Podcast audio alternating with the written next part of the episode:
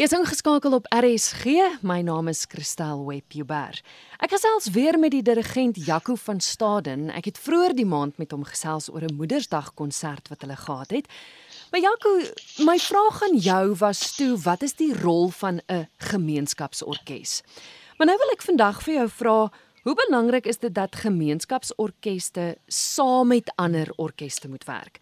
Ja, hallo Christel, is, is lekker om weer met jou te kan gesels.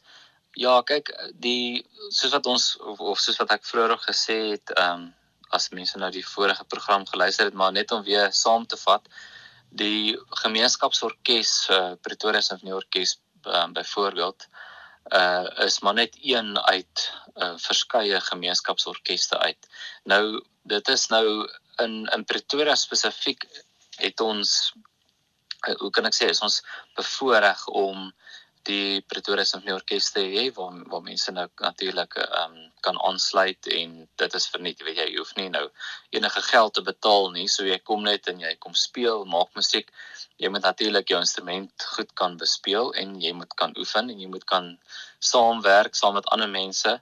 So ehm um, en en dit is 'n lekker atmosfeer weet jy ehm um, wat ons skep.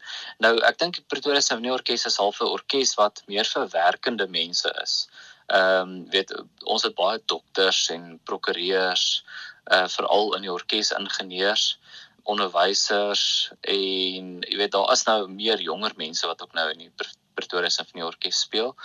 Ehm um, so studente, weet jy die meer ernstige studente en veral musiekstudente uh, is nogal geneig om Pretoria orkes te te wil ehm um, uh weet jy in aan te wil aansluit ja. omdat hulle wel daai ervaring wil opdoen soveel as moontlik daarvan.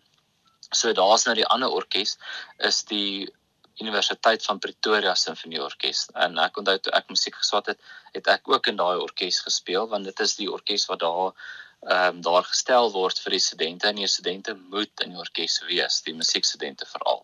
Nou natuurlik, uh as jy in by Tikkie studeer, dan kan jy natuurlik by die orkes aansluit as jy 'n orkesinstrument speel en jy kan op 'n sekere vlak speel. So uh dit is die lekker ding van die Tiks orkes is dat studente wat veral musiek gedoen het op skool en sien hom op 'n redelike vlak uh gespeel het in matriek en nou is jy skielik uit die skool uit en nou wil jy uh kyk watter orkes jy nou wel kan speel want jy gaan nie musiek swat nie so jy wil nou graag aangaan met jou met jou instrument en met orkes speel dan is die uh Tik Sinfonie Orkees wel daar um om jou daai geleentheid te gee.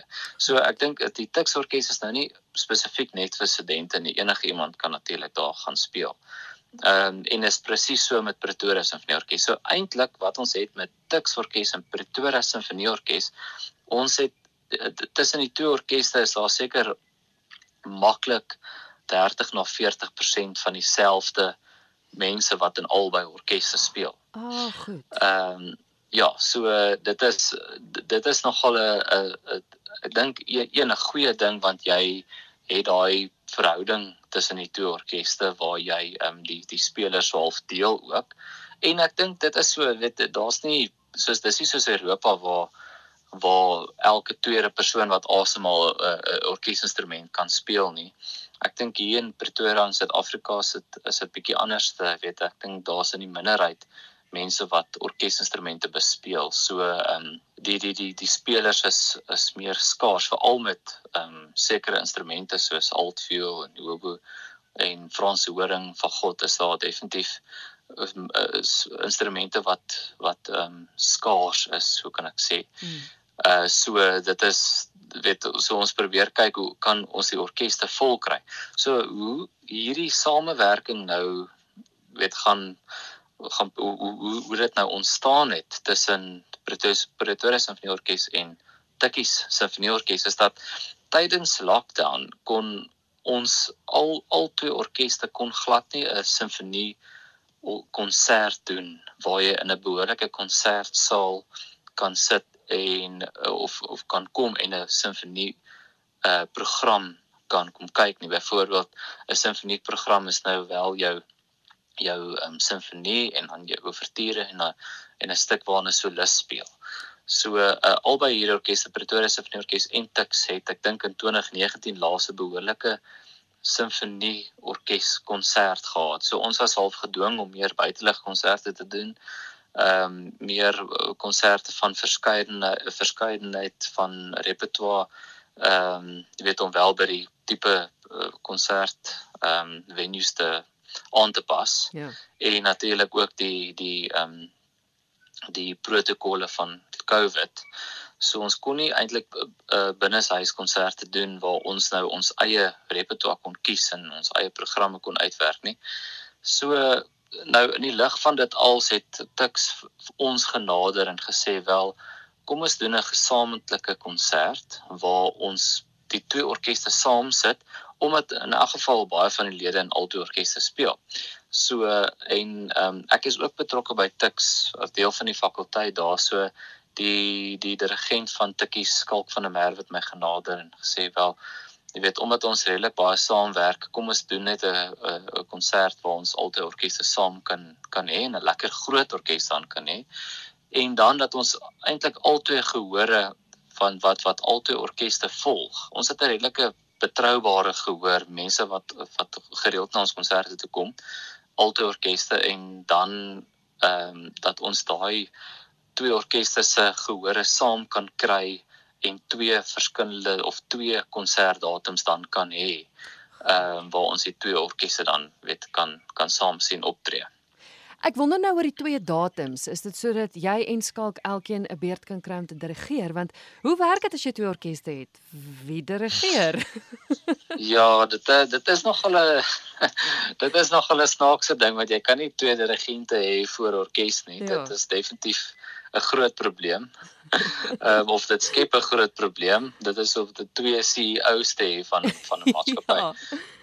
Ehm um, so hoe ons dit wel gaan doen is dat ons gaan twee verskillende ehm um, konserte hê. So die Vrydag aand gaan ek dirigeer. Dit is nou die 27ste Mei en dit is by die Oula by Tikkies. So ehm um, ek dirigeer die Vrydag aand konsert en dan skalk doen die Sondagmiddag konsert. En dan dit is ook nou 'n ander ding. Nou moet ons die die oefeninge so skeduleer dat ek een oefening doen en in skalk die volgende oefening.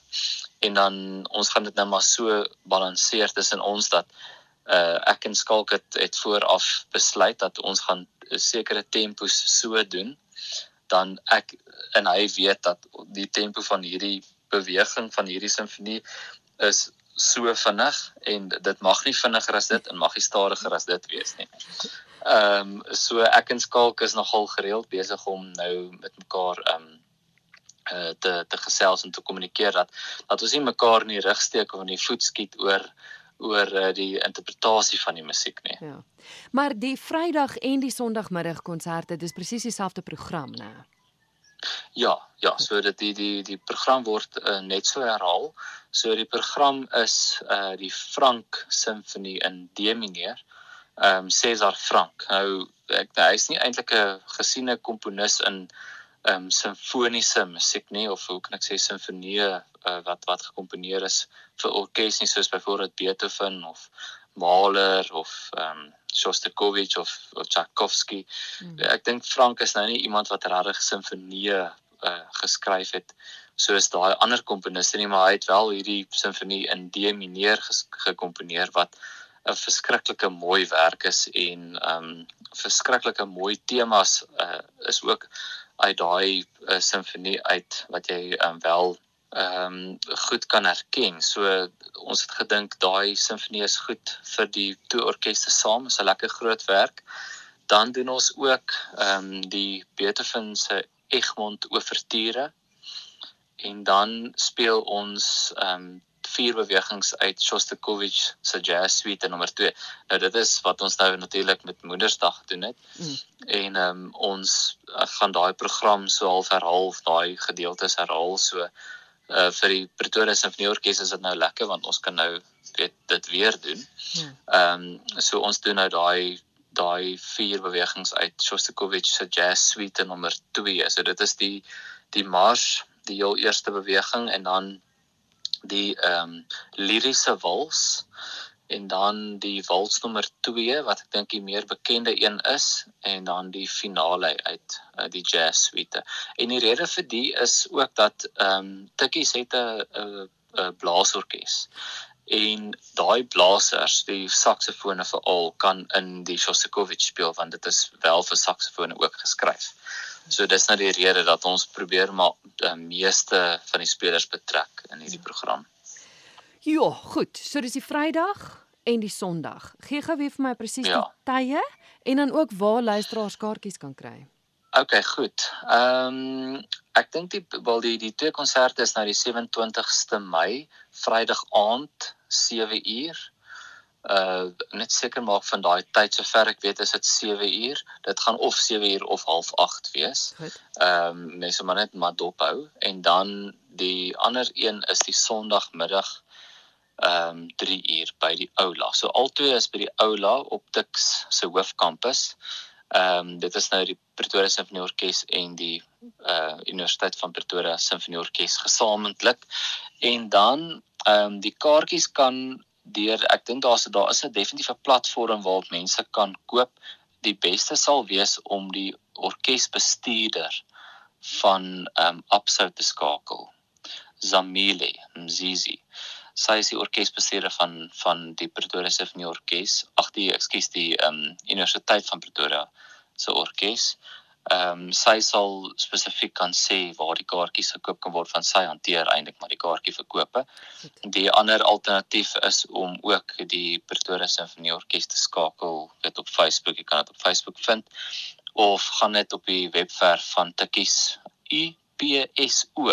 Jy kan basies dit gaan gaan Google en dan die die inligting van die bestuurder is Amelie sal ook daar wees. Kontak haar dan gerus vir die kaartjie verkope.